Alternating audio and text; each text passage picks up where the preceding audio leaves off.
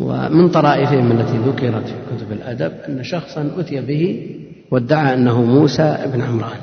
قال له الخليفة أنت موسى بن عمران؟ قال نعم. قال صاحب بني إسرائيل؟ قال نعم. قال وما هذه العصا التي بيدك؟ هذه تنقلب حية. تلتهمك وتلتهم متاعك وأتباعك. قال ارميها. ما أرميها مباشرة حتى تقول مثل ما قال فرعون. أنا ربكم الأعلى. ولا ما تأثر. يأتون بها على سبيل الطرفة. يعني كتب الأدب مملوءة بمثل هذه الأخبار كلها من أجل إمتاع القارئ لكن الأمر خطير. الأمر خطير جدا خطير وما زال الأمر موجود إلى الآن ممن يدعي إلى الآن و... وكثير من هؤلاء سبب ادعائهم النبوة الخلل في العقل. خلل العقل. وأما بالنسبة لمن يتدين بذلك من من غلاة الصوفية ويدعى لهم مثل ذلك فشيء لا يخطر على حتى زعموا أن أولياءهم فوق الرسل فوق الرسل. مقام الولاية في برزخ فويق الرسول ودون النبي.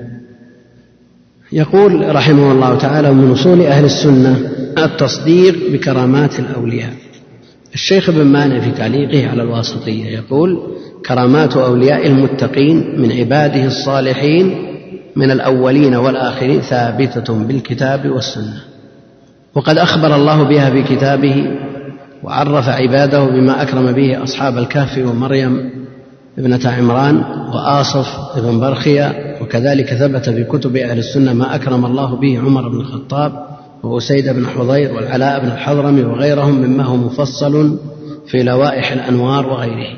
لوائح الأنوار السفاريني طبع في طبعته القديمة طبعة المنار باسم لوائح الأنوار وأما طبعته الثانية في باسم لوامع الأنوار. يقول مفصل في لوائح الأنوار وغيره ومن أراد تفصيل ما أشرنا إليه فليرجع للوائح والفرقان لشيخ الإسلام ابن تيمية وشرح الخمسين لابن رجب وغيرها حيث إن هذه الحاشية لا تتسع لبسط ذلك. وقد عد أهل السنة من أنكر كرامات الأولياء وخوارق العادات من أهل البدع لمخالفته الدليل. ثم قال تنبيه لا تظن أيها القارئ أن أصحاب الطرق المبتدعة الذين يسالمون الحيات ويمسكونها ويدخلون النار تخييلا ويضربون أنفسهم بالسلاح كذبا وتدجيلا من أولياء الله بل هم من أولياء الشيطان. نعوذ بالله من أفعالهم ونبرأ إلى الله منهم ومن أحوالهم. قال التصديق بكرامات الأولياء وما يجري الله على أيديهم من خوارق العادات في أنواع العلوم والمكاشفات. وأنواع القدرة والتأثيرات أنواع العلوم والمكاشفات. عمر بن الخطاب رضي الله تعالى عنه وهو يخطب على المنبر سمعه الصحابة وهو يخطب بهم يقول يا سارية الجبل يا سارية الجبل أو يا سارية الجبل يا سارية الجبل. لأنه كشف له عن سارية بن زنيم وهو أحد قواده في المعركة فوجهه عمر رضي الله تعالى عنه إلى أن يسلك المسلك إلى الجبل ليتحصن به يصعد فوق الجبل ومن معه ليتحصن به. وسمعه سارية وفعل هذه كرامة وهذه أيضا من أنواع المكاشفات. بعض الأولياء من أهل العلم والعبرة بالولاية الحقيقية للمتقين. ألا إن أولياء الله لا خوف عليهم ولا هم يحزنون؟ من هم؟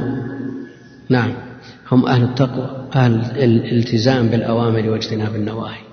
لا على طريقة الشعراني وغيرهم من يدعي الولاية لزنادقة. نسأل الله العافية.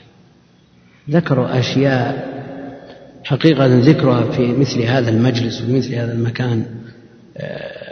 لا يمكن أن يستساغ. واللسان لا يطاوع في ذكرها أشياء لا تخطر على البال. يعني آه، جنون. ضرب من الجنون. لا تزيد ولا تنقص. نسأل الله العافية.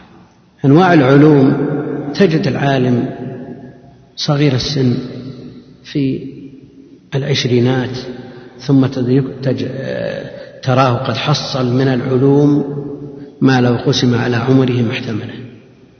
هذه كرامة لهذا الشخص الملتزم المتقي لما علم الله منه من صدق في النية وإخلاص. هذه أيضا من خوارق العادات في أنواع العلوم يعني لو تأتي إلى شخص أحيانا يأتي يؤتى بطفل في الرابعة من عمره والخامسة تجد عنده شيء لكن هؤلاء نوادر يعني ذكر في كتب أهل العلم من عمره أربع سنوات يقرأ القرآن ويحفظ من الحديث ما يحفظ. وجد الآن في الخامسة والسادسة يذكرون أشياء. لا شك أن هذه آه، خوارق. هذه في العلوم. وقد يوجد مثل هذا لمن تقدمت به السن في العاشرة والخامسة عشرة ممن هو أهل الحفظ والضبط. فتجده يحفظ من العلوم ما لا يحفظه من عمره من طلب العلم نصف قرن أو أكثر. ولذا يقول في أنواع العلوم والمكاشفات. وأنواع القدرة والتأثيرات. نعم. يعني يوجد أمور معنوية ويوجد أمور حسية في هذه الخوارق وهذه الكرامات. كالمأثور عن سالف الأمم في سورة الكهف يعني ثلاثمائة وتسع سنين يعيش أناس دون أكل ولا شرب. دون أكل ولا شرب. يعني لو ترك الشخص المغمى عليه في العناية دون المغذي لا شك أنه يموت. والأطباء يقررون أن النائم يحرق نصف ما يحرقه الصاحي المستيقظ غير المتحرك. يعني مو بصاحب الحركة والروح والجي والعمل والجد والكد لا. يعني افترضنا أن شخص حياته عادية قالوا يحرق 1500 سعرة والنائم 800 فإذا انتهت السعرات منه انتهت بالكلية وش يبقى عنه؟ ينتهي. في يوم أو يومين خلاص يموت ثلاثة بالكثير ولو كان نائما. أما أن ينام ثلاثمائة سنة وتسع سنين بدون أكل وشرب لا شك أن هذه كرامة. كرامة لهم ضاقت عليهم الأرض بما رحبت بسبب ما عند قومهم من شرك فخرجوا وهربوا منه فآواهم الله جل وعلا إلى هذا الغار الكهف. وأيضا الثلاثة الذين أووا إلى الغار فانطبق عليهم انفتاح فم الغار وزوال الصخرة التي سدته لا شك أنها كرامة. توسلوا بأعمالهم الصالحة لكن ما أبدوا أسباب حسية لا يستطيعون. ثم بعد ذلك فرج الله عنهم هذه كرامة. في سورة الكهف وغيرها وفي وعن صدر هذه الأمة من الصحابة والتابعين. أبو مسلم الخولاني ألقي في النار فلم تصبه بأذى وكان يشبه بالخليل في هذه الأمة عليه السلام. وشيء كثير لكننا مع ذلك نتوسط في هذا الأمر. لا نقبل كل ما كتب التواريخ مملوءة من هذه الأمور. والحافظ بن كثير في كل سنة أو سنتين أو ثلاث يقول عجيبة أحيانا يقول غريبة أحيانا يقول نادرة وما أشبه ذلك ثم يسوق قصة لعالم أو قصة لحدث خرج عن العادة والجادة المضطردة فهذه موجودة بكثرة لكن لا يعني أننا نقبل كل ما كتب. لا لا نقبل إلا ما صح منه.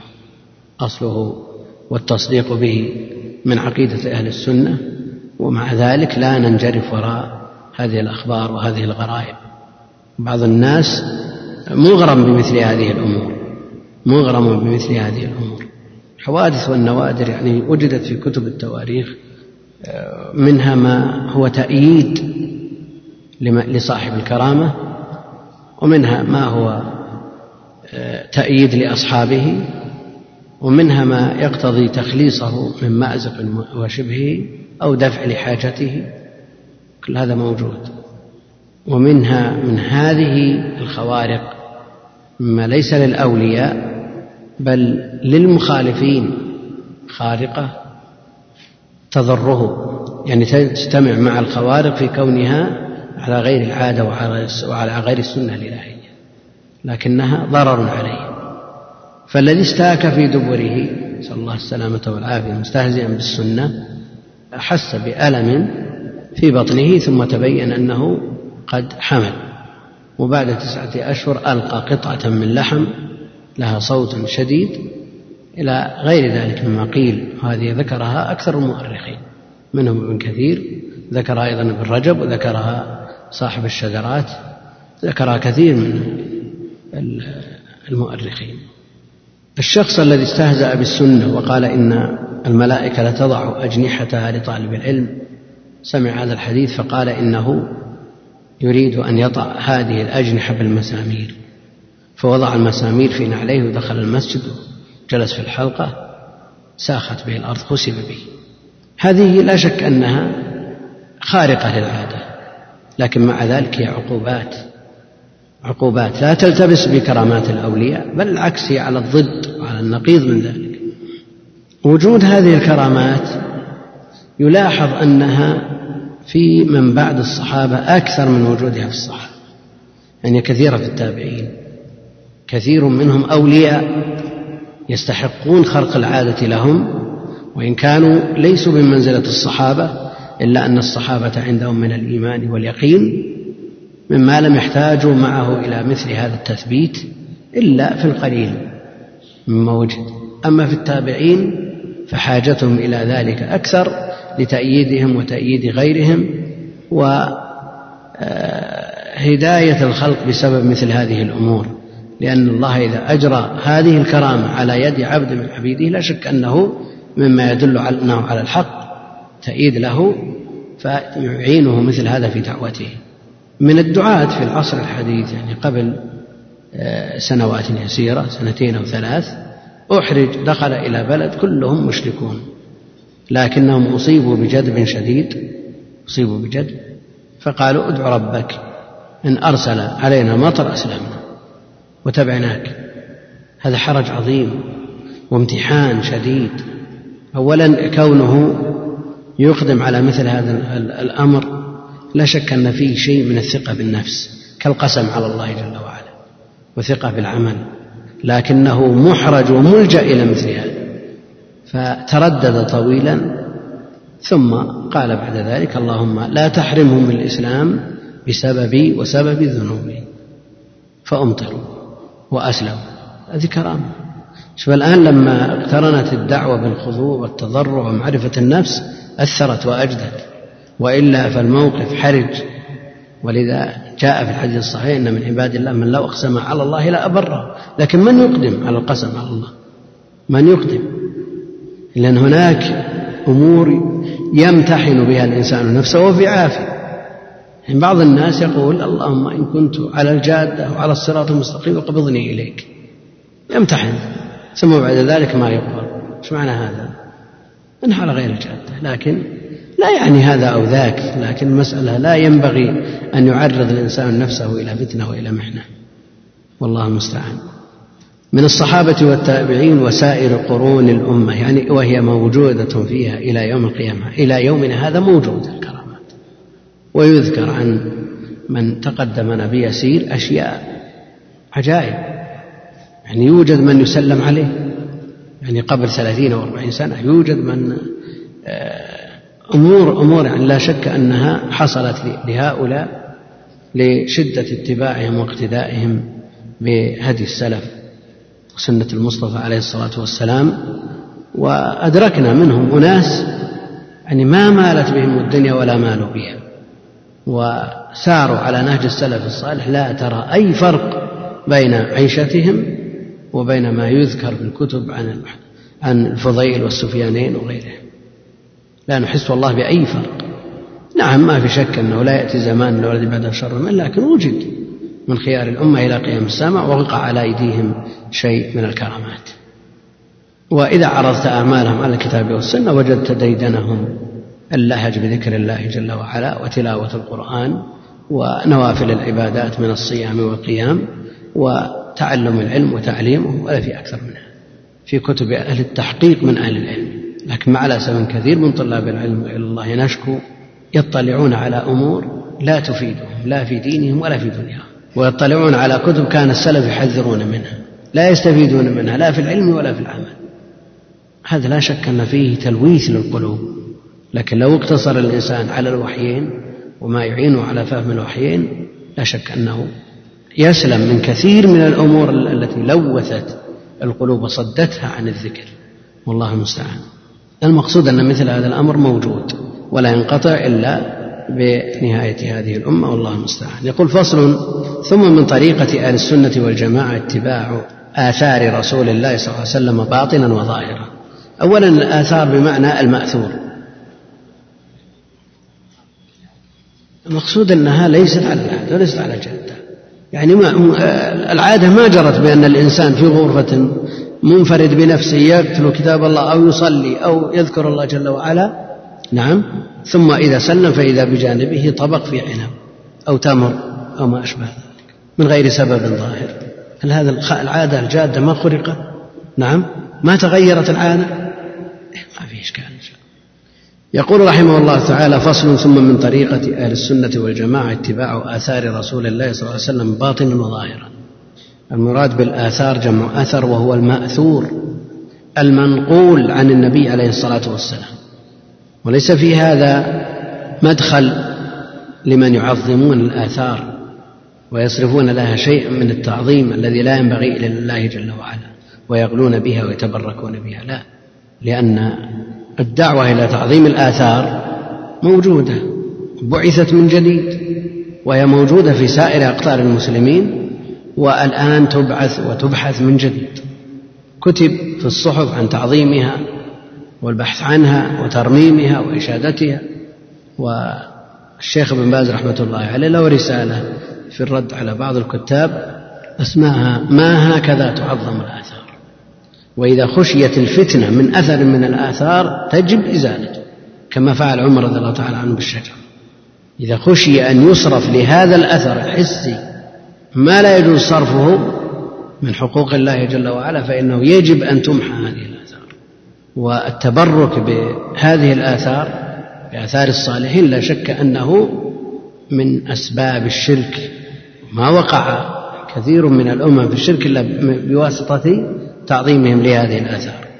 فالمراد بالآثار المأثور ما يؤثر عن النبي عليه الصلاة والسلام من قول أو فعل مما يتعبد به. اتباع آثار الرسول صلى الله عليه وسلم باطنا وظاهرا. ما يتظاهر بهذا عند الناس وإذا خلا اجترأ على المخالفة ولا يخالف ذلك ظاهرا بمعنى أنه يخلع عن نفسه جلباب الحياة ويخالف ما أثر عن النبي عليه الصلاة والسلام علانية لا في الظاهر ولا في الباطن. واتباع سبيل السابقين الأولين من المهاجرين والأنصار. اتباع سبيل من سلف كل خير في اتباع من سلف. فينظر إلى هدي النبي عليه الصلاة والسلام فيلتزم وينظر في سيرته ويقتدي ويأتسي وهو الأسوة وهو القدوة ومن بعده صحابته رضوان الله عليهم من المهاجرين والأنصار والذين والذين اتبعوهم بإحسان. واتباع وصية رسول الله صلى الله عليه وسلم حيث قال عليكم بسنتي. عليكم بسنتي يعني خذوا بها والتزموها قولا وفعلا بسنتي وسنة الخلفاء الراشدين المهديين.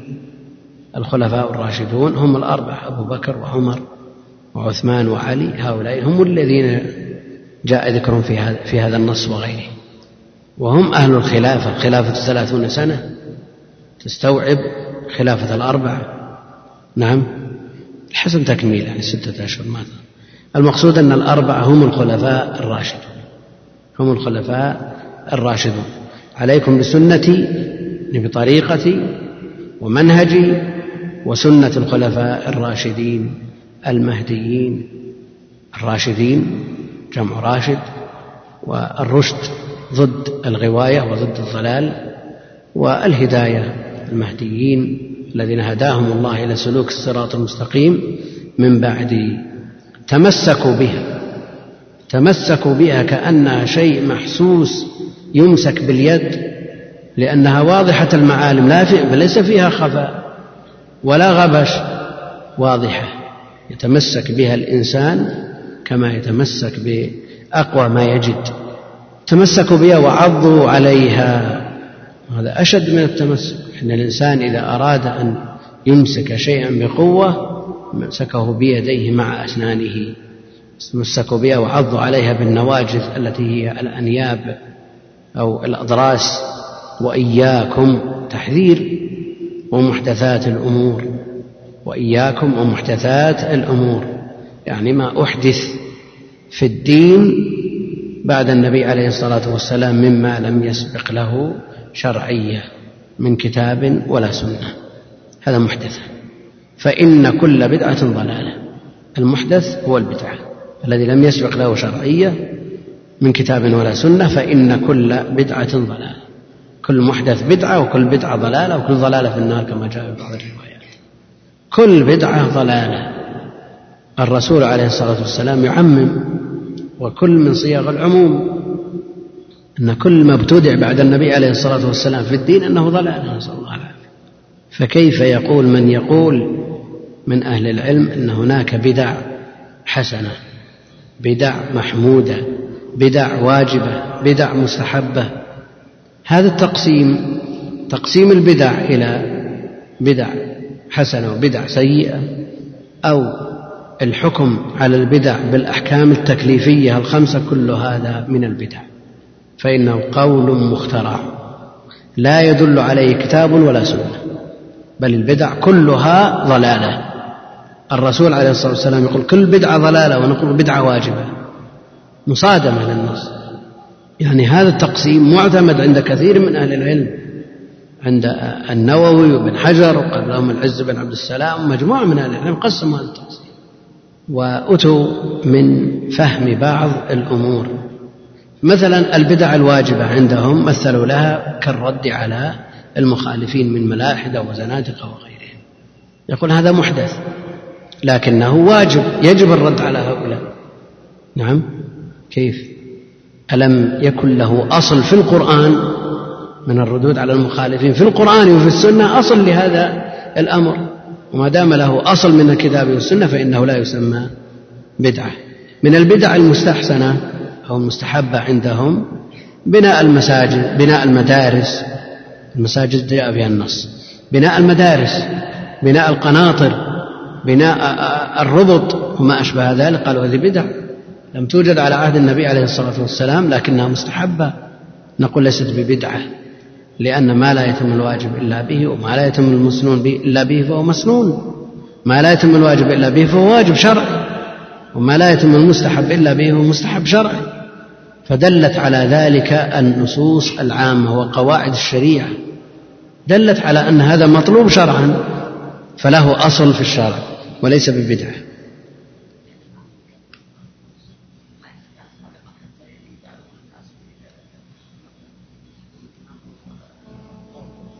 لا ما زالت الحاجة قائمة. يسأل عن الأذان الأول بالنسبة لصلاة الجمعة الذي سنه عثمان رضي الله عنه. الحاجة إليه ما زالت قائمة. الحاجة إليه ليس المراد منه تبليغ الناس وقت دخول الخطيب. الحاجة داعية إليه لإلفات الناس إلى وقت يتسع لأن يتهيأوا لصلاة الجمعة. وهذا ما زال قائم. ما زال قائم. بعض أهل الغفلة لا يدري ولا يعرف أن اليوم يوم جمعة إلا إذا أذن له. وكثير من أهل المزارع ما يعرفون صلاة الجمعة إلا بالأذان الأول وكانوا يعلقون معرفة يوم الجمعة بسجود الإمام في صلاة الصبح. وقد وجد بعض المزارعين في مزرعته إلى أن دخل الإمام ولما سئل قال اليوم ليس بالجمعة بدليل أن الإمام ما سجد في صلاة الصبح. فهؤلاء لا شك أنهم محتاجون إلى تنبيه في وقت يتسع يعني كما شرع الأذان الأول بالنسبة لصلاة الصبح ليوقظ النائم ويرد القائم وما أشبه ذلك لهذه الحكمة. أيضا سن عثمان رضي الله عنه وأرضاه وهو من الخلفاء الراشدين المهديين الذين أمرنا بالاقتداء بهم والاهتداء بهديهم. رأى الحاجة داعية لأن المدينة توسعت. يحتاجون إلى من ينبههم في وقت كافي لاستعداد صلاة الجمعة. قول فإن كل بدعة ضلالة عرفنا أن كل من ألفاظ العموم فلا يخرج عن هذه الجملة شيء مما يحدث في الدين مما لم يسبق له شرعية من كتاب ولا سنة. والإحداث في الدين لا شك أن ضرره بالغ فإنه زعم ودعوى ممن ابتدع أن الدين بحاجة إلى تكميل. والله جل وعلا يقول اليوم أكملت لكم دينكم.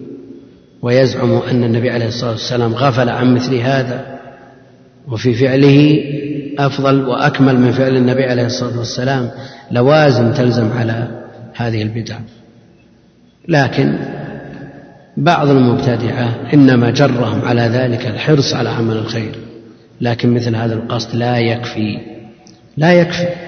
تجده يغرم بعبادة من العبادات فيزيد فيها. هذا سبب. السبب في البداية ثم بعد ذلك لا يوجد مثل هذا العمل إلا ويكون في مقابلة في مقابله ترك سنة. من أحيا بدعة فقد أمات سنة. من ابتدع في الدين في مقابله يلزم على ذلك أن يترك سنة. وعلى كل حال البدع من أخطر الأمور على المسلم. من نظر في أحوال المبتدعة وأمرهم يزيد ويستفحل شيئا فشيئا إلى أن ينسلخوا من الدين بالكلية. فتجدهم يتشبثون بأمور لا شرعية لها لم يسبق لها شرعية من الكتاب والسنة ثم يستفحل الأمر ويعاقبون بأمور تتلوها أمور ثم بعد ذلك تنطمس بصائرهم عن ما شرع الله في كتابه وعلى لسان نبيه عليه الصلاة والسلام. فإن كل بعدهم ضلال ويعلمون أن أصدق الكلام كلام الله ومن أصدق من الله حديثا. ومن أصدق من الله قيلا ويعلمون علما جازما لا تردد فيه ولا شك ولا ارتياب ولا يحتمل النقيض أن أصدق الكلام كلام الله وخير الهدي هدي محمد صلى الله عليه وسلم. وجاء ذلك في خطبته المشهورة في صحيح مسلم وغيره إن أصدق الكلام كلام الله وخير الهدي هدي محمد صلى الله عليه وسلم. ومن ابتغى الهدى من غير هذين الأصلين أضله الله بلا شك. لا طريق إلى العلم الموصل إلى مرضاة الله جل وعلا إلا من خلال هذين الأصلين الكتاب والسنة. ويؤثرون كلام الله على غيره من كلام أصناف الناس. يؤثرون كلام الله على غيره من أصناف كلام الناس. وفضل كلام الله على كلام غيره كفضل الله على غيره. مع الأسف أن يمر اليوم واليومان والثلاث على بعض المسلمين ما نظر في كتاب الله ولا في عهده. ومع ذلك تجده يقرأ الساعات الطوال في الصحف والمجلات. هل هذا من إيثار كلام الله على كلام غيره؟ العكس هذا من إيثار كلام غير الله على كلامه. فعلى الإنسان أن يراجع نفسه. ويؤثرون كلام الله على غيره من كلام أصناف الناس مهما كان. وإذا كانت المزية لكلام الله على كلام رسوله عليه الصلاة والسلام كلام الله متعبد به ورتب عليه الأجور في كل حرف عشر حسنات. لكن هل مثل هذا لكلام النبي عليه الصلاة والسلام؟ لا. ما تعبد بتلاوته. لكن فيه العلم وفيه الخير وفيه الهدى وفيه الدلالة على الصراط المستقيم. كلام النبي عليه الصلاة والسلام بعد كلام الله جل وعلا. وإن كان النبي عليه الصلاة والسلام لا ينطق عن الهوى إن هو إلا وحي يوحى. ويؤثرون كلام الله على غيره من, كلام أصنام ويقدمون هدي محمد صلى الله عليه وسلم على هدي كل أحد. نعم المتبع الملتزم للكتاب والسنة لا بد أن يكون هذا حاله. يقدمون هدي محمد عليه الصلاة والسلام على هدي كل أحد بخلاف المتعصبين للأئمة والأشياخ والمذاهب تجده يقدم كلام الإمام على هدي النبي عليه الصلاة والسلام.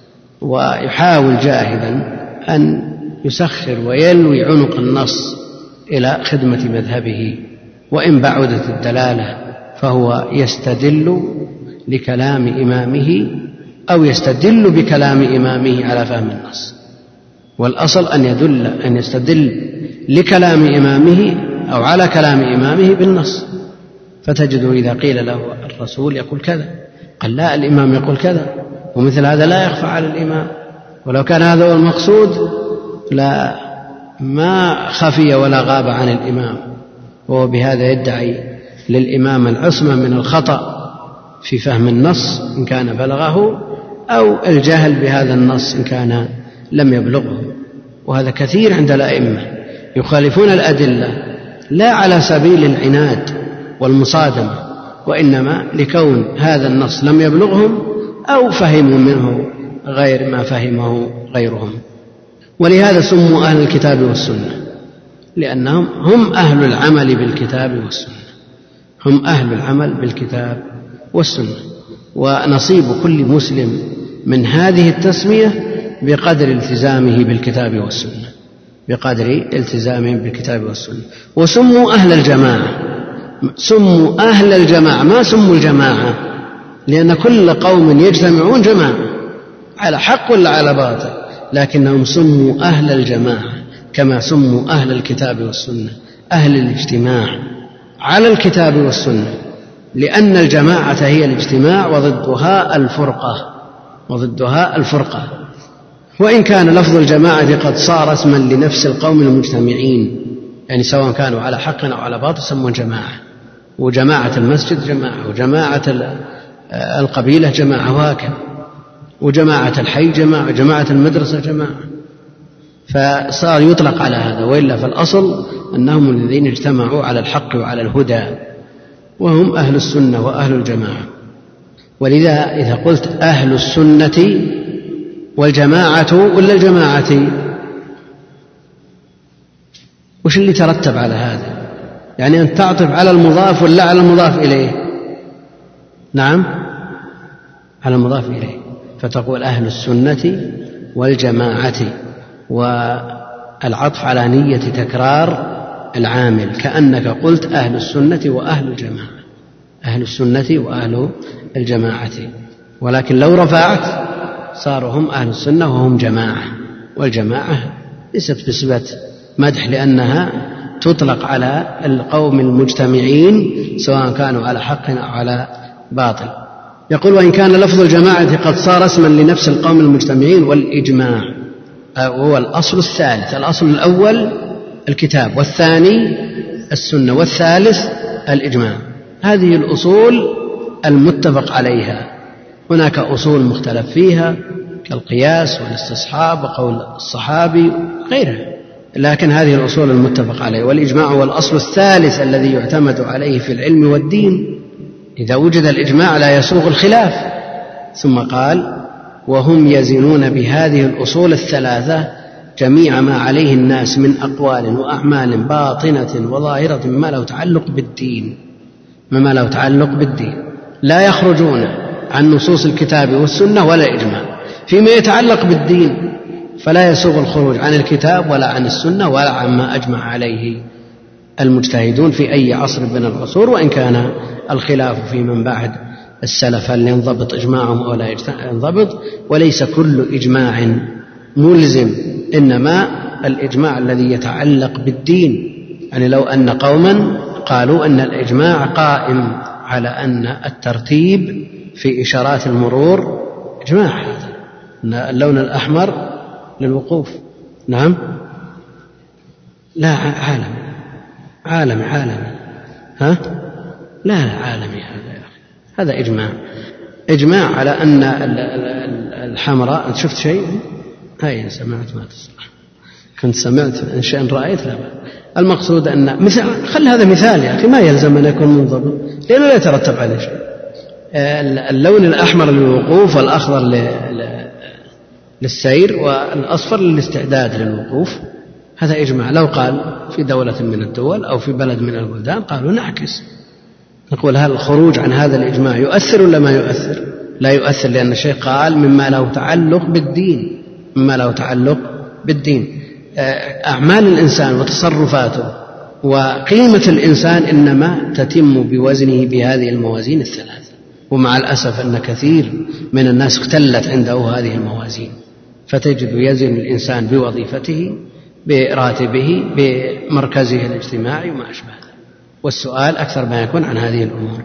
والإجماع الذي ينضبط هو ما كان عليه السلف الصالح يعني لما كانوا مجتمعين وعلماؤهم معروفون. أما الآن أو قبل ذلك بقرون تفرقت الأمة. الذي في الأندلس لا يعرف المخالف ممن, ممن في المشرق في الهند أو في الصين أو ما أشبه ذلك والعكس بعد تفرق الأمة دون ضبط الإجماع خرط القتال. ولذا تجدون من أهل العلم من ينقل الإجماع ثم يبين له أنه وجد مخالف ثم يذكر الخلاف. ومنهم من يذكر الإجماع بنفسه وينقضه غيره أو بنفسه ثم يظهر له مخالف. وهذا موجود في كلام كثير ممن ينقل الإجماع كابن المنذر وابن حزم وابن عبد البر والنووي وغيرهم. ولكثرة الخروق في هذه الإجماعات قال الشوكاني ودعاوى الإجماع تجعل طالب العلم لا يهاب الإجماع. على كل حال إن لم يكن إجماع فهو قول الأكثر له هيبته ما لم يطلع على مخالف. قال والإجماع الذي ينضبط هو ما كان عليه السلف الصالح إذ بعدهم كثر الاختلاف وانتشرت الأمة يعني من الشرق إلى الغرب وليست الوسائل وسائل الاتصال كما هي عليه الآن. يمكن أن يعرف قول المخالف في أقصى الشرق مع أقصى الغرب في وقت واحد. ولا يعني هذا أن ما نفاه شيخ الإسلام يمكن رده بسبب هذه الوسائل إنما الخلاف معروف. هل يعد الإجماع ممن بعد الصحابة بعد التفرق في البلدان أو لا يعد؟ والأكثر على أنه معتبر. الأكثر على أنه معتبر. رواية عن الإمام أحمد أن الإجماع المعتبر هو إجماع الصحابة. والله أعلم. وصلى الله وسلم على نبينا محمد وعلى آله وصحبه أجمعين. السلام عليكم ورحمة الله وبركاته. نعم. الحمد لله رب العالمين وصلى الله وسلم على نبينا محمد وعلى آله وصحبه أجمعين أما بعد فقد قال المصنف رحمه الله تعالى فصل ثم هم مع هذه الأصول يأمرون بالمعروف وينهون عن المنكر على ما توجبه الشريعة ويرون إقامة الحج والجهاد والجمع والأعياد مع الأمراء أبرارا كانوا أو فجارا ويحافظون على الجماعات ويدينون بالنصيحة للأمة ويعتقدون معنى قوله صلى الله عليه وسلم المؤمن للمؤمن كالبنيان يشد بعضه بعضا وشبك بين أصابعه صلى الله عليه وسلم. وقوله صلى الله عليه وسلم مثل المؤمنين في توادهم وتراحمهم وتعاطفهم كمثل الجسد إذا اشتكى منه عضو تداعى له سائر الجسد بالحمى والسهر ويأمرون بالصبر عند البلاء والشكر عند الرخاء والرضا بمر القضاء ويدعون إلى مكارم الأخلاق ومحاسن الأعمال ويعتقدون معنى قوله صلى الله عليه وسلم أكمل المؤمنين إيمانا أحسنهم خلقا ويندبون إلى أن تصل من قطعك وتعطي من حرمك وتعفو عمن ظلمك ويأمرون ببر الوالدين وصلة الأرحام وحسن الجوار والإحسان إلى اليتامى والمساكين وابن السبيل والرفق بالمملوك وينهون عن الفخر والخيلاء والبغي والاستطالة على الخلق بحق أو بغير حق. ويأمرون بمعالي الأخلاق وينهون عن سفاسفها وكل ما يقولونه أو يفعلونه من هذا أو غيره فإنما هم فيه متبعون للكتاب والسنة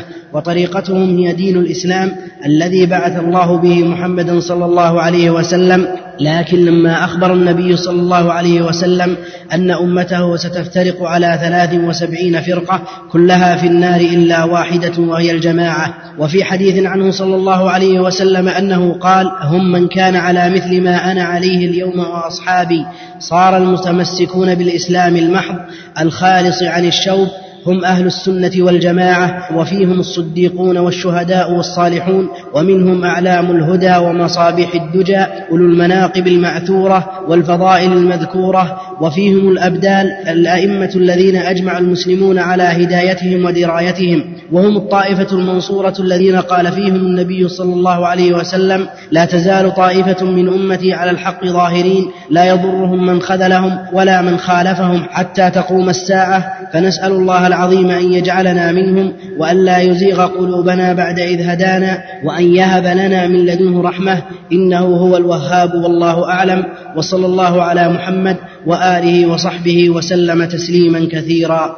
الحمد لله رب العالمين وصلى الله وسلم وبارك على عبده ورسوله نبينا محمد وعلى آله وصحبه أجمعين أما بعد.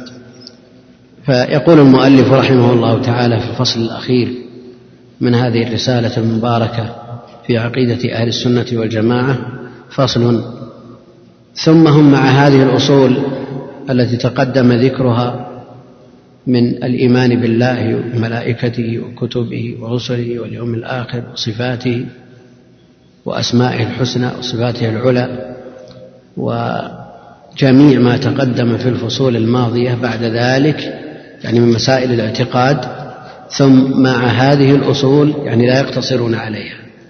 يعني ليس إيمانهم وعملهم وعقيدتهم مجرد أمور نظرية لا واقع لها في العمل بل هم مع ذلك يقرنون الاعتقاد بالعمل ويجمعون بين التنظير والتطبيق. ثم مع هذه الأصول يأمرون بالمعروف وينهون عن المنكر على ما توجبه الشريعة. الأمر بالمعروف والنهي عن المنكر هذه الشعيرة هي ميزة هذه الأمة. وهي سبب خيريتها. كنتم خير أمة أخرجت للناس تأمرون بالمعروف وتنهون عن المنكر وتؤمنون بالله. قدم الأمر بالمعروف والنهي عن المنكر على الإيمان وإن كان الأمر والنهي لا يصح إلا بعد الإيمان من شرط صحته كسائر العبادات وكسائر الأعمال الشرعية الإيمان. لكنه قدم لأنه هو الذي تميزت به هذه الأمة. وإلا فالإيمان يشاركهم فيه غيرهم من الأمم الذين اتبعوا الأنبياء. وهذا هو سبب تقديم الأمر بالمعروف والنهي عن المنكر. وما لعن بنو إسرائيل إلا لكونهم لا يتناهون عن منكر فعلوه. وهذه الشعيرة من أوجب شعائر الإسلام الظاهرة. بل اعتبرها جمع من العلم ركن من أركان الإسلام. وما ساءت أحوال الناس وما فسدت المجتمعات إلا بترك هذه الشعيرة. وجاء في الحديث الصحيح من رأى منكم منكرا فليغيره بيده فإن لم يستطع فبلسانه فإن لم يستطع فبقلبه. وللأمر والنهي شروط. أولا المعروف ما طلبه الشرع والمنكر ما نهى عنه الشرع ومنهم من يعرف المعروف بما عرف حسنه شرعا أو عقلا والمنكر ما عرف سوءه ونكره شرعا أو عرفا. لكن كل ما يطلبه الشرع معروف يؤمر به. كل ما يأمر به الشرع فإنه من المعروف الذي يؤمر به. وكل ما ينهى عنه الشرع فهو من المنكر الذي ينهى عنه. على درجات ما يطلب ودرجات ما ينهى. فما يطلب منه الواجب فهذا يؤمر به بحزم وعزم ومنه المستحب. وهذا يطلب بما يناسبه من الأسلوب. ومن ما ينهى عنه ما يطلب تركه بحزم وعزم هو المحرم والمحرمات متفاوتة بدءا من الشرك إلى ما حرمه الله جل وعلا في كتابه وسنة نبيه عليه الصلاة والسلام من الصغائر. ومنه ما يطلب لا بحزم ولا حزم وهو المكروه. وفي كل منكر يسلك الأسلوب المناسب لإنكاره. وفي كل معروف يسلك الأسلوب المناسب للأمر به. فالأساليب الناجعة المفيدة التي تترتب عليها آثارها من فعل المعروف وترك المنكر ولا يترتب عليها ضرر لا عام ولا خاص ولا يترتب عليها أيضا منكر أعظم منها. فبهذه الطريقة تزول المنكرات وتطهر المجتمعات من المنكرات الظاهرة التي عمت وطمت في بلاد المسلمين حتى أدى الأمر ببعض الناس إلى أن يقولوا هذه الأمور مما عمت بها البلوى فلا تنكر. وصاروا يبررون لأنفسهم في ترك الإنكار بمثل هذا الكلام. الأمر بالمعروف واجب. الأمر بالمعروف واجب. نعم على الكفاية. لا يلزم الناس كلهم أن ينكروا منكرا واحدا أو يأمروا بمعروف واحد لا. لكن إذا قام بمن يكفي سقط الإثم عن الباقين. فهو من واجبات من فروض الكفاية. شريطة ألا يترتب على الأمر أو النهي منكر أعظم منه أو ترك ما هو أوجب من هذا المعروف لأن بعض المخالفين عنده عناد وقد وقد تكون لديه قوة ومنعة فإذا نهي عن شرب الخمر ارتكب الفواحش بل قد يكفر بالله جل وعلا. وكذلك إذا أمر بمعروف فقد يتجاوز ذلك إلى ما هو أشد منه. يؤمر الإنسان برفق. إذا ترك الحج يؤمر برفق لئلا يؤدي أمره بالحج إلى ترك الصلاة. يعني إذا جئت إلى من لم يحج تعرف من طبعها فيه الحدة والشدة والغضب. وقلت له كتب عمر الأمصار أن انظروا من كانت لديه جدة فلم فاضربوا عليهم الجزية ما هم بمسلمين ما هم بمسلمين. قال إذا كان الوضع هكذا ماذا أصلي أترك الصلاة. مثل هذا يعامل بمعاملة فيها شيء من الرفق الذي يحقق المصلحة ولا يترتب عليه مفسدة. وقل مثل هذا في جميع الأمور. والأمر بالمعروف والنهي عن المنكر له شروط وله آداب. بينها أهل العلم. ومن القبيح أن يأمر الإنسان بشيء ولا يفعله. وينهى عن شيء وهو يرتكبه. وبعضهم يشترط ذلك لصحة الأمر والنهي. وإن كان الجمهور على خلافه اللهم إلا إذا كان أمره أو نهيه على سبيل الاستهزاء.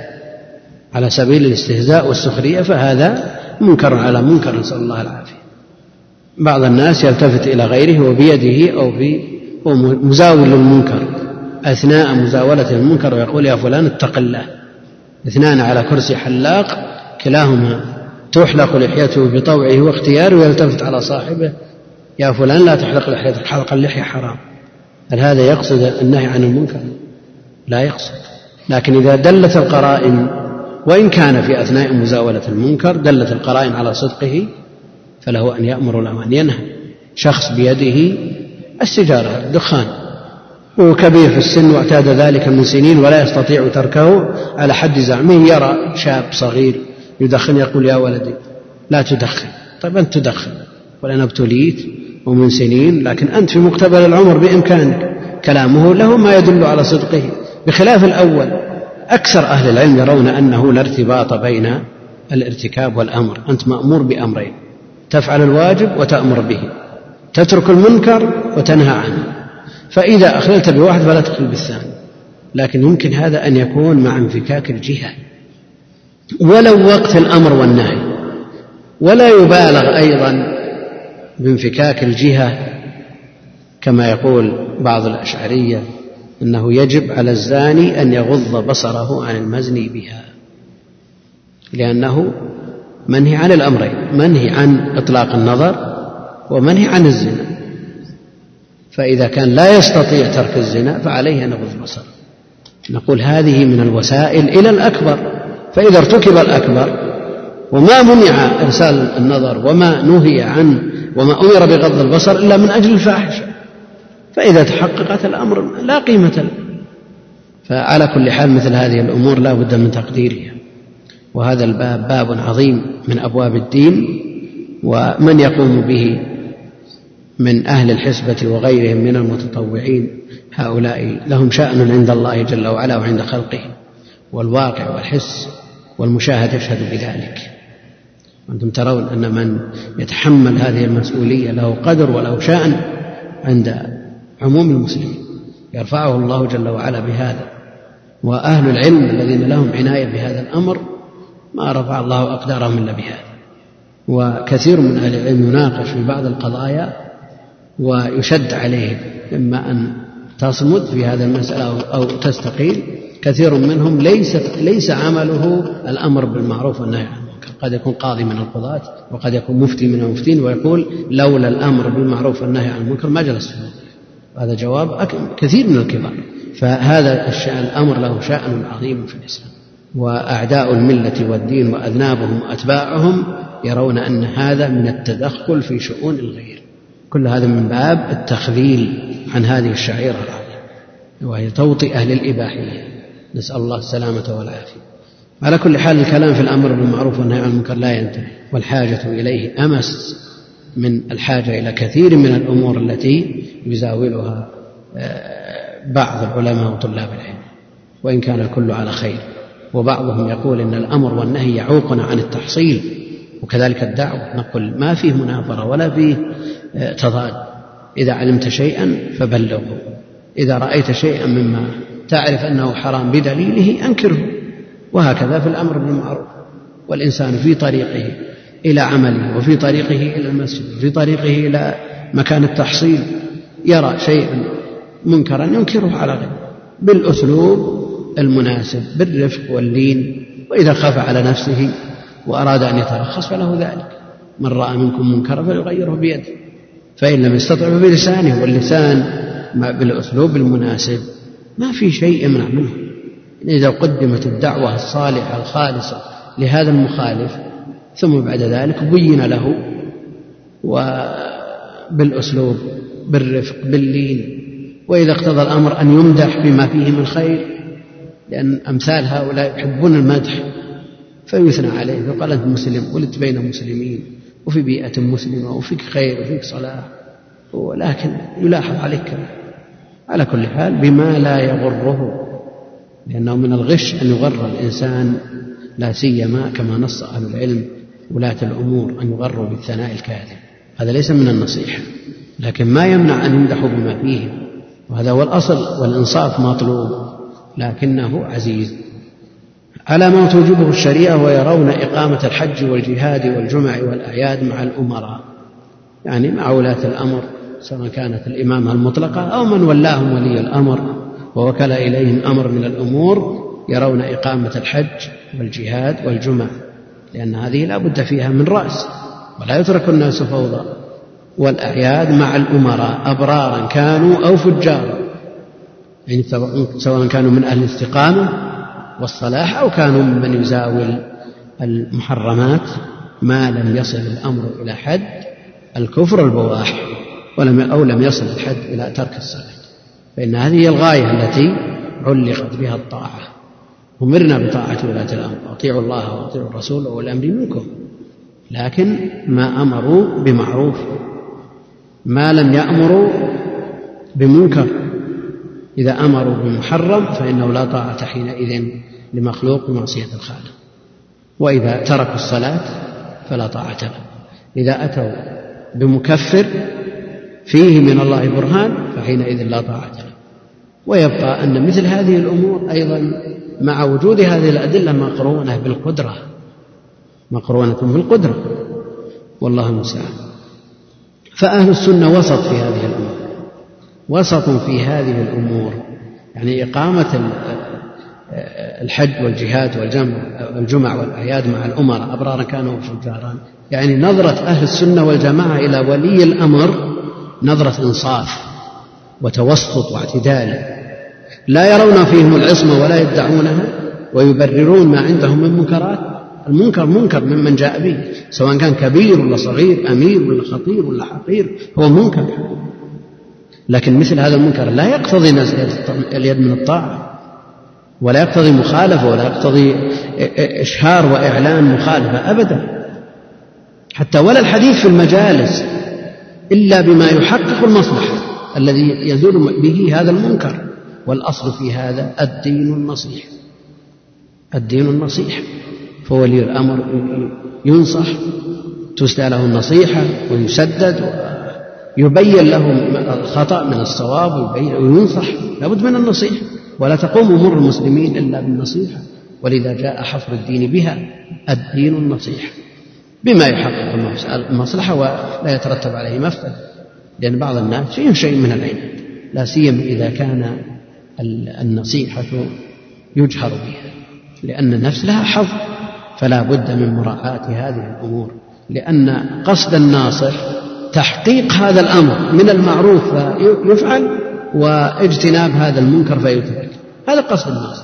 إذا كان قصده غير ذلك فإنما هو يدعو لنفسه يدعو لنفسه. وعلى كل حال أهل السنة والجماعة أهل إنصاف الخوارج إذا رأوا ولي الأمر ارتكب محرما خلاص انتهى. خرجوا عليه وسلوا السلف بوجهه. ووجد في عهد بني أمية ومن بعدهم من يرى أن الخلفاء معصومون كما بين ذلك شيخ الإسلام ابن تيمية في منهاج السنة. فلا هذا ولا هذا. وعلينا أن نتوسط في أمورنا كما هو منهج أهل السنة والجماعة. ويحافظون على الجماعات ويدينون بالنصيحة للأمة. فمن منهج أهل السنة ومسلك أهل السنة العملي المحافظة على الجماعات.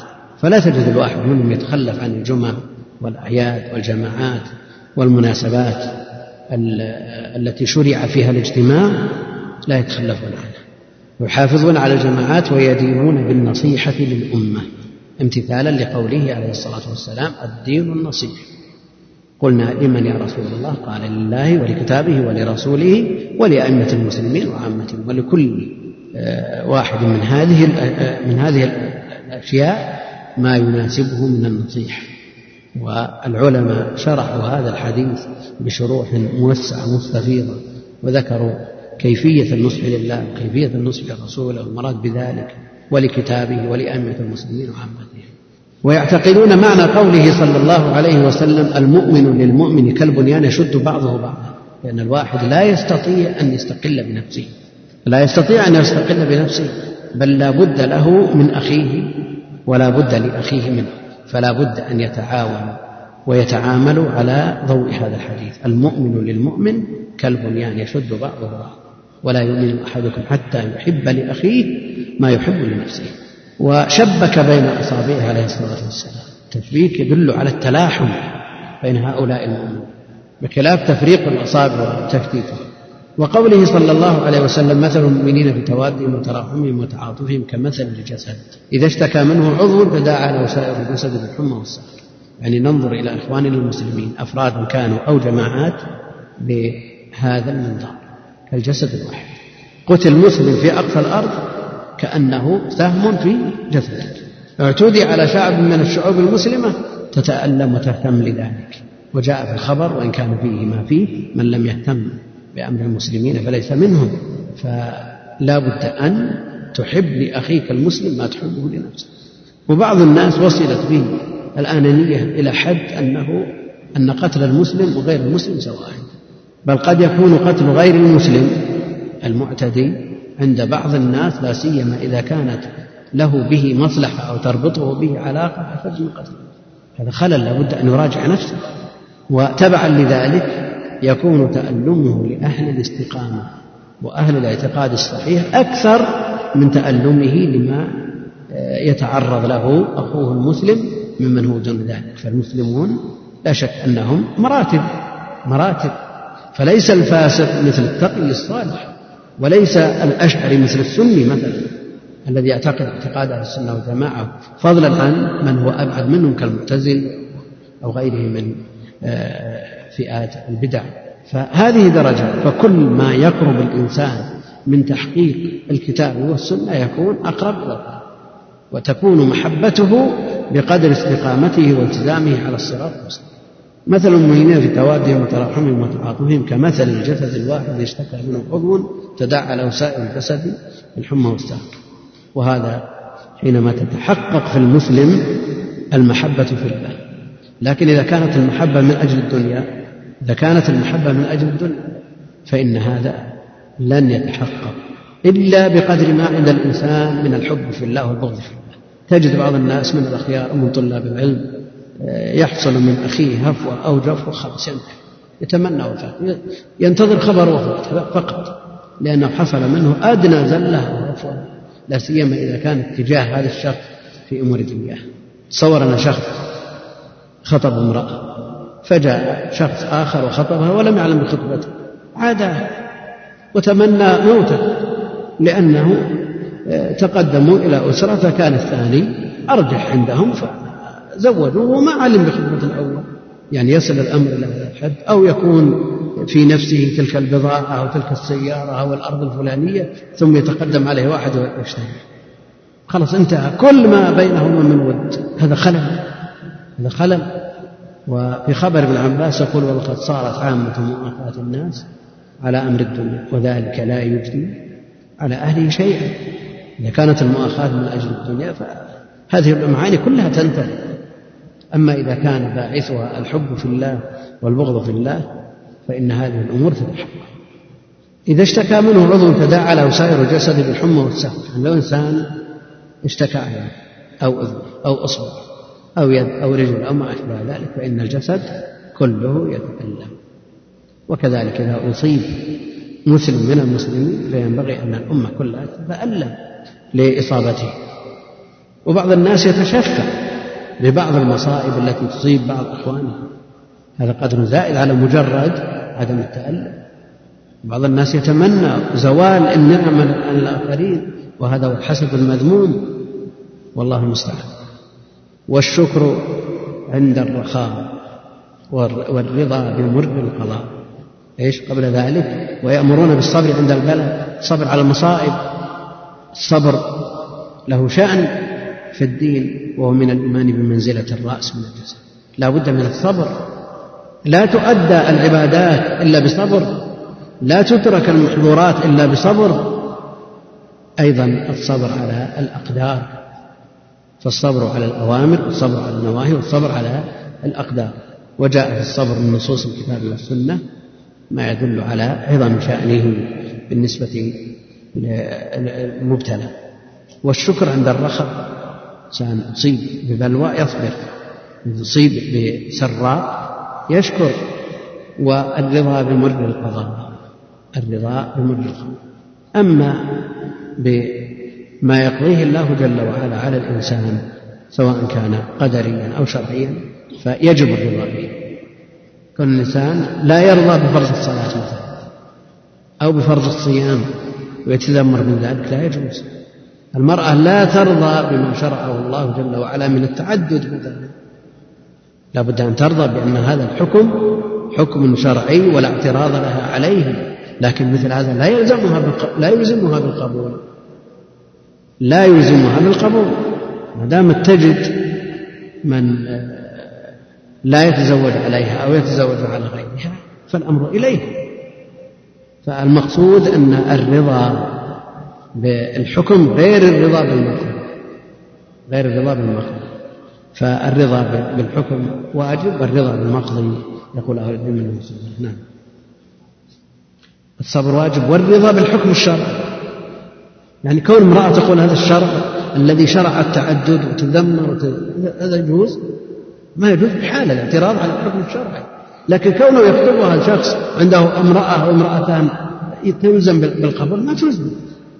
نعم. كما أنها لا تلزم بأمور أخرى تنقصها في أمور دينها أو دنياها. لأن هذا من المضايق. بعض الناس يظن أن من ترد الخاطب إذا كانت عنده زوجة تظنه تظن أنها لا ترضى بالحكم لا. ترضى بالحكم تقول هذا حكم الله. هذا حكم الله وهذا شرع لكنها تتعذر بعذر. النبي عليه الصلاة والسلام خطب امرأة فقالت امرأة مصبية فشكرها النبي عليه الصلاة والسلام. شو معنى مصبية؟ لا أبناء صبيان يمكن يتعبون الرسول عليه الصلاة والسلام. بكثرة صياحهم ومشاكلهم فإذا وجد المبرر قد تقول المرأة أنا والله لا أستطيع أن أتزوج عنده امرأة لأن عندي غيرها. أو بدل بدلا من أن تكون حقوق كاملة منوطة بهذا الشخص يكون لي نصف الحقوق. يعني لها حق أن ترفض. لكن مع ذلك الحكم الشرعي لا يجوز بحال الاعتراض عليه لا منها ولا من غيرها. ويدعون يعني أهل السنة والجماعة إلى مكارم الأخلاق ومحاسن الأعمال ويعتقدون معنى قوله صلى الله عليه وسلم أكمل المؤمنين إيمانا أحسنهم خلقا وهم أقرب الناس مجالس يوم القيامة إلى النبي عليه الصلاة والسلام. وما وضع في الميزان أثقل من حسن الخلق. فحسن الخلق له شأن عظيم في الدين. لكن قد يقول الإنسان أنا والله مجبول على سوء الخلق. لكنك إذا تخلقت وفقت الحلم بالتحلم كما أن العلم بالتعلم والفقه بالتفقه أيضا العلم بالتحلم. هناك أمور غريزية جبل عليها الإنسان مثل ما جبل الأحنف على الحلم والأنات. جبل كثير من الناس على الأخلاق الفاضلة على الكرم على الشجاعة على غيرها من الأخلاق الفاضلة. لكن بعض الناس جبل على خلافها ومع ذلك يستطيع أن يعدل من بعض الأخلاق. بعض الناس غضوب. لكن يقال لا لا تغضب. هل يكون الجواب منه أنا لا أستطيع أن لا أغضب؟ لا. مر نفسك على عدم الغضب. مر نفسك على على اللين في الكلام. مر نفسك على حسن الخلق وتوفق في ذلك. وأنت إذا أديت ما عليك وعلم الله منك صدق النية فالذي لا تستطيعه لا تلام عليه. لا يكلف الله نفسا إلا وسعها. ويندبون إلى أن تصل من قطعك. يندبون. الصلة واجبة صلة الرحم واجب والقطيعة محرمة بل من كبائر الذنوب. والصلة من أوجب الواجبات. كيف يقول ويندبون؟ إلى أن تصل من قطعك وتعطي من حرمك وتعفو عن من ظلمك. آه، صلة من قطع إذا كان ممن تجب صلته ولو قطع. قد شكى بعضهم إلى النبي عليه الصلاة والسلام أن له قرابة يصلهم ويقطعونهم فقال النبي عليه الصلاة والسلام كان كما تقول فكأنما تسفهم المن وعليك أن تصل عليك يجب عليك أن تؤدي ما أوجب الله عليك. وتسأل الله جل وعلا الذي لك تصل من قطعك وتعطي من حرمك وتعطي من حرمك لك حق عند فلان وعليك حق له أو لغيره. ما تقول والله أنا حرم حقي آه، لا أصل لا أعطي. الوالد فضل عليك بعض إخوانك يقول والله الوالد هذا ما يستحق بر وأنا ما أنا أنا لا ما أستحق شيء عنده. أنا بهذه المنزلة عنده ويجب علي بر ليس من العدل قل بعض الناس هكذا. عليك أن تبر بوالديك. ولو حصل منهم ما حصل. لأن عليك أن تؤدي ما أوجب الله عليك. وأما بالنسبة للذي لن تفقده. إن جاء في الدنيا وإلا فيدخر لك يوم القيامة وهو أعظم وأولى. وتعفو عمن ظلم. عاقبتم فعاقبوا لكن أن تعفو أقرب للتقوى. وتعفو عمن ظلك ويأمرون ببر الوالدين ويأمرون ببر الوالدين وصلة الأرحام. بر الوالدين وصلة الأرحام. وهذه من الواجبات الشرعية. من الواجبات الشرعية. بل من أوجب الواجبات بعد حق الله جل وعلا. حق الوالدين وهي أعظم حقوق المخلوقين. يليها الصلة. يليها الأدب. فالبر للوالدين والصلة للأقارب والأدب مع بقية الناس. تجدون في كتب السنة يترجمون باب البر والصلة والأدب والآداب. ويعنى أهل العلم من المحدثين بالأدب عناية فائقة. فمنهم من يجعله في كتابه الجامع ومنهم من يخرجه بمصنف مستقل وقد جمع بينهما الإمام البخاري. ففي كتابه في صحيحه كتاب الأدب من أوسع الكتب. مع أنه أفرد الأدب بأدب مفرد وصلة الأرحام وحسن الجوار فمن كان يؤمن بالله واليوم الآخر فلا يؤذي جاره وما زال جبريل يوصيني بالجار حتى ظننت أنه سيورثه. والإحسان إلى اليتامى والمساكين وابن السبيل. يقول النبي عليه الصلاة والسلام أنا وكافل اليتيم كهاتين يعني في الجنة. هذا شأنه عظيم واليتيم من مات أبوه وهو دون البلوغ. من مات أبوه وهو دون البلوغ. وهذا اليتيم جاء الحث على الإحسان إليه والتشديد في حقوقه وأمواله ورعايته. تضييع هذه الأمور من أشد من من المحرمات من كبائر الذنوب أكل مال اليتيم. لكن أيهما أشد؟ هذا اليتيم الذي عرف أبوه فمات في صغره وله أعمام وله إخوان وله أخوال وجاء الشرع على الحث على الإحسان إليه وبين اللقيط مثلا لا يعرف له أب ولا يعرف له أقارب ولا شيء. أيهما أولى بالإحسان؟ النصوص جاءت في اليتيم لكن ماذا عمن لا يعرف له قريب؟ ولا الزنا ألقي في شارع أو في مسجد ماذا عن الإحسان إلى مثل هذا؟ هل هو أشد من الإحسان إلى اليتيم؟ لأن اليتيم قد يكون وارث عنده أموال اليتيم له عم.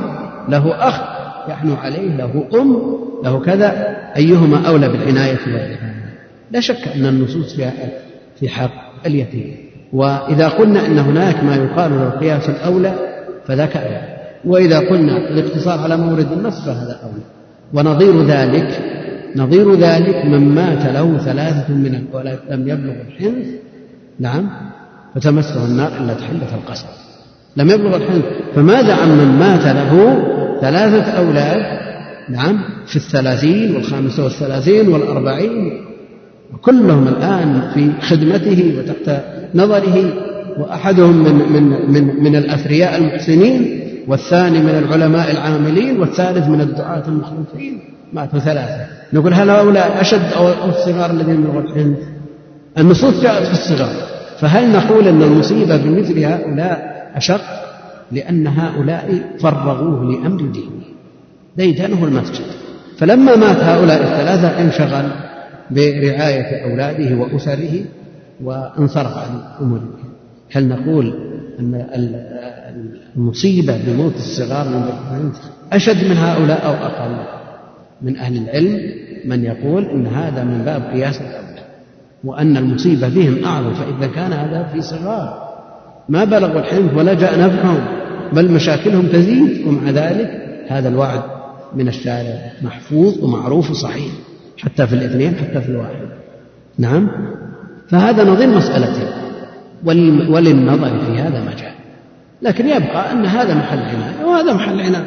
والفرق في كون هذا أولى وهذا أولى.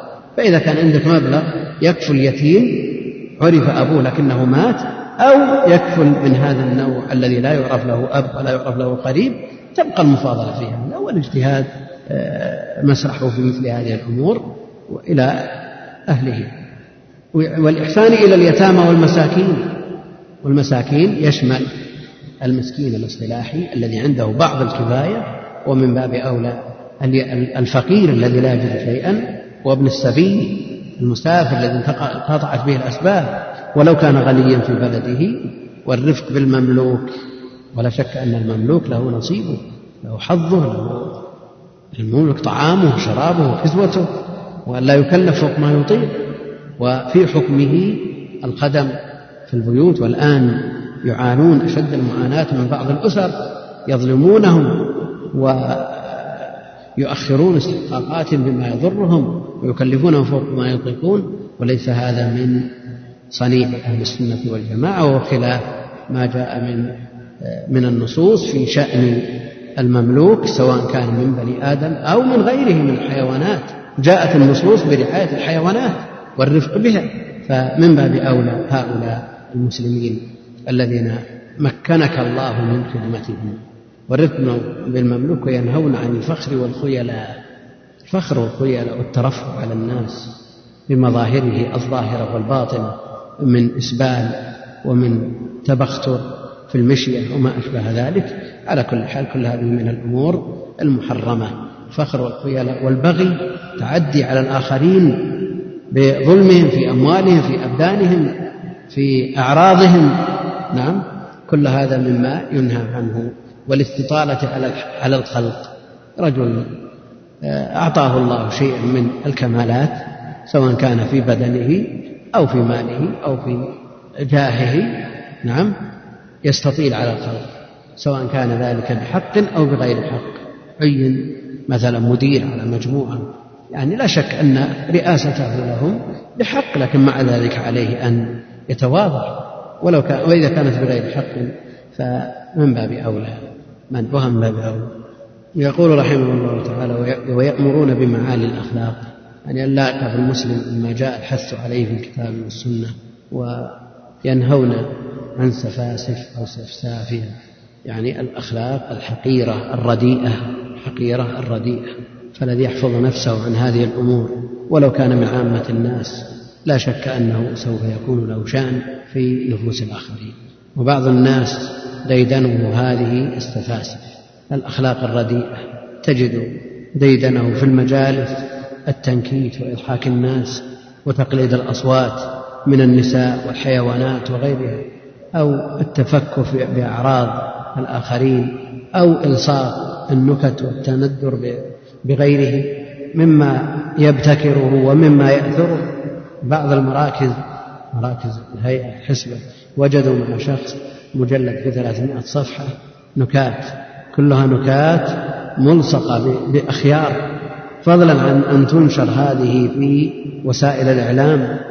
يكون ديدا هذا الإنسان تقليد النساء أو تقليد الحيوانات أو الطيور أو الاستخفاف بأهل الخير وأهل الفضل. لا شك أن هذه تليق بمن زاولهم لأن هذه سفاسف لا تليق بعاقل. يمجها العقل السليم والفطرة المستقيمة. فكيف بمتدين يدين بالإسلام يرجو من عند الله ويخاف عقابه؟ بعض الجهات ابتليت بهذه النكات من هؤلاء السفهاء وهذا لا يجوز بحال فضلا عن كونه ولا كونه من سباسل الأمور التي على المسلم أن يترفع عنها مما لا, مما لا يليق أن يصدر ممن ينتسب لهذا الدين الكامل الحنيف الأمر الثاني أن ضرره متعدي ضرره متعدي إلى الآخرين. والله المستعان. وكل ما يقولونه ويفعلونه من هذا وغيره. يعني جميع التصرفات من هذا وغيره فإنما هم فيه متبعون للكتاب والسنة. لا تجدهم يصدرون عن غير دليل. حتى قال القائل من أهل السنة إن استطعت أن لا تحك رأسك إلا بأثر فافعل. وقد أحسن من انتهى إلى ما سمع. هذا شأنهم وهذا دينهم. لا يجتهدون في مقام أو في مجال فيه نص. فهم متبعون للكتاب والسنة وطريقتهم هي دين الإسلام الذي بعث الله به محمدا صلى الله عليه وسلم.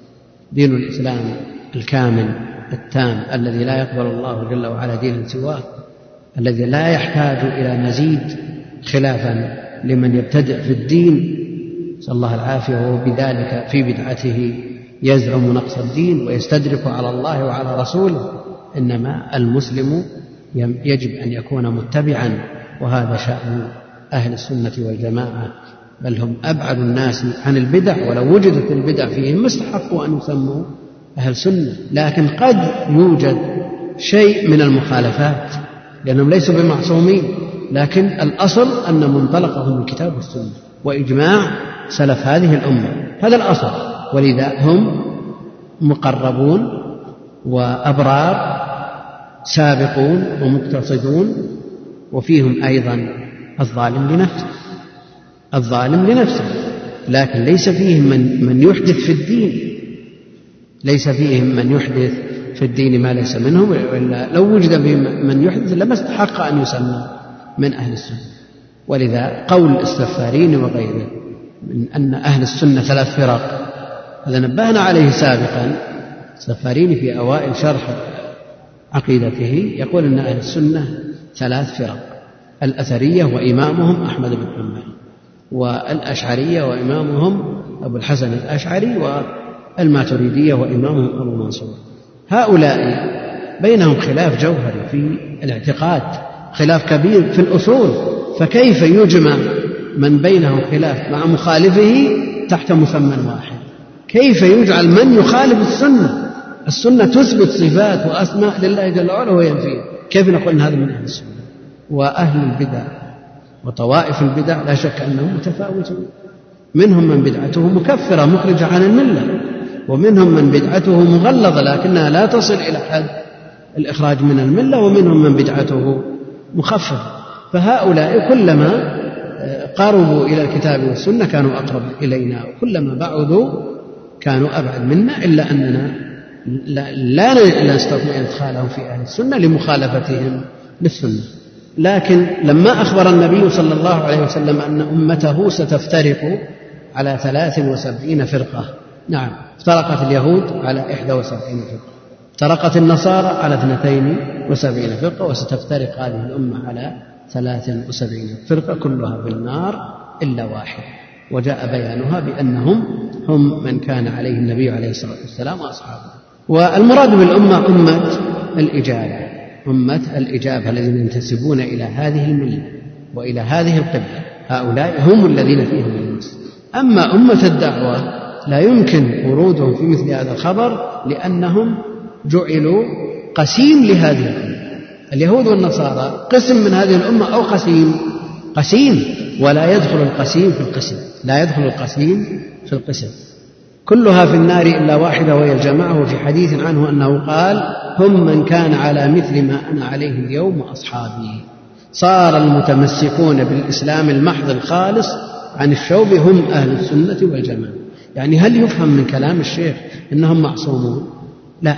لكن في الجملة الأصول واحدة وقصد إصابة الحق موجودة وقد توجد المخالفة لشهوة أو نحوها. مع أنهم في الغالب يوفقون للتوبة بخلاف المبتدع الذي يرى نفسه على الحق فإنه في الغالب لا يوفق للتوبة. يقول وفيهم الصديقون والشهداء والصالحون يعني الذين أنعم الله عليهم من النبيين والصديقين والشهداء والصالحين. النبيون ليس فيهم نبيون إلا محمد عليه الصلاة والسلام.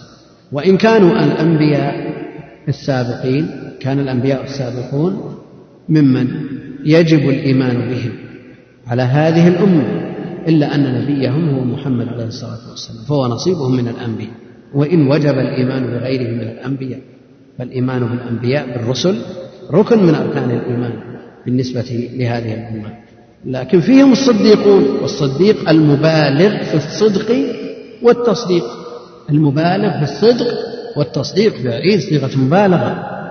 ورأسهم ومقدمهم أبو بكر الذي جاء النص بتسميته صديقا وإمامته وخلافته أثبتها أهل العلم بنصوص كثيرة ومنها قول الله جل وعلا اهدنا الصراط المستقيم صراط الذين أنعمت عليهم. نعم. ومنهم من ذكر الصديقون والشهداء والصالحون هؤلاء الذين أنعم الله عليهم.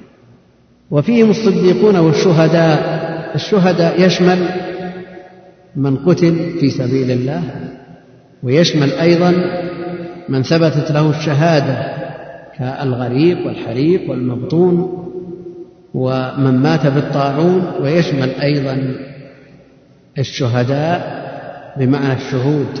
الشهداء جمع شاهد ممن ترضون من الشهداء جمع شاهد. نعم. وهم الذين يشهدون على الأمم السابقة ويشهدون للأنبياء بالبلاغ من أهل العلم. والصالحون صالح كل مستقيم على أمر الله المؤدي لحقوق الله وحقوق عباده. في هذه الأمة الصالحون وفيهم كثرة فليحرص الإنسان على أن يكون صالحا ليدخل في دعوات المسلمين. السلام علينا وعلى عباد الله الصالحين. كم ممن على وجه الأرض من سابق ولاحق ومعاصر ممن يدعو بهذه الدعوة. فلا تحرم نفسك من الدخول فيها فعليك أن تتصف بهذا الوصف ومنهم أعلام الهدى أئمة الإسلام من الصحابة والتابعين ومن جاء بعدهم وتبعهم بإحسان. والأصل في الأعلام جمع علم وهو الجبل ويستعار هذا إلى يستعار للجبال من أهل العلم أهل العلم والعمل أهل الرسوخ. أعلام الهدى يعني ممن يقتدى بهم ويهتدى بهديهم لا لذواتهم وإنما لشدة تمسكهم بالكتاب والسنة واعتصامهم بهما ومصابيح الهدى الذين ينيرون للناس ما خفي عليهم مما هو في حكم الظلمة في حكم الظلمة. ومنة أهل العلم على سائر الناس أشد من منة الأطباء أطباء الأبدان. وأشد من منة أي مخلوق. وقد ذكر الآجري في أخلاق العلماء له مثالا يوضح فيه شدة الحاجة ومسيس الحاجة إلى العلماء الأعلام العاملين. قال كأن قوما ساروا في طريق مظلم فيه أودية وأشجار وفيه هوام وسباع والطريق مظلم لا يأمن الإنسان فيه أن يلدغ من حية أو ينهش من سبع أو يقع في حفرة فينكسر منه ما ينكسر ثم جاءهم بينما هم على هذه الحال جاءهم من بيده مصباح ونار لهم الطريق حتى خرجوا من هذا الوادي. هذا له فضل عليهم ولا ليس له فضل؟ له فضل كبير عليهم كلهم يشكرونه ويعترفون له بالفضل ويمتنون له بما قدم لهم ومع ذلك هذا الفضل منوط بأمر دنيا التي عاقبتها الفناء وهي مهما طالت قصيرة فكيف بمن يهدي الناس إلى صراط الله المستقيم الذي فيه النجاة والخلاص التام والقيام ومنهم أعلام الهدى ومصابيح الدجى أولو المناقب المأثور المناقب المحاسن والمزايا والفضائل ويقابلها المثالب التي هي المساوئ والفضائل المشهورة أو المذكورة. وفيهم الأبدال والأبدال جمع بدل وهم الأولياء. وجاء في حديث الأبدال بالشام جاء في حديث الأبدال بالشام. وشيخ الإسلام يحكم على أحاديث الأبدال بأنها ضعيفة. وكذلك ابن القيم في المنار المنيف يحكم بأن آه، ما جاء في الأبدال والأوتاد والنجبة كلها ضعيفة. لكن إن أريد بالأبدال هنا المجددين أريد بهم المجددين للدين فهذا حديث صحيح في أنه يأتي على رأس كل مئة سنة من يجدد لهذه الأمة أمر دينها.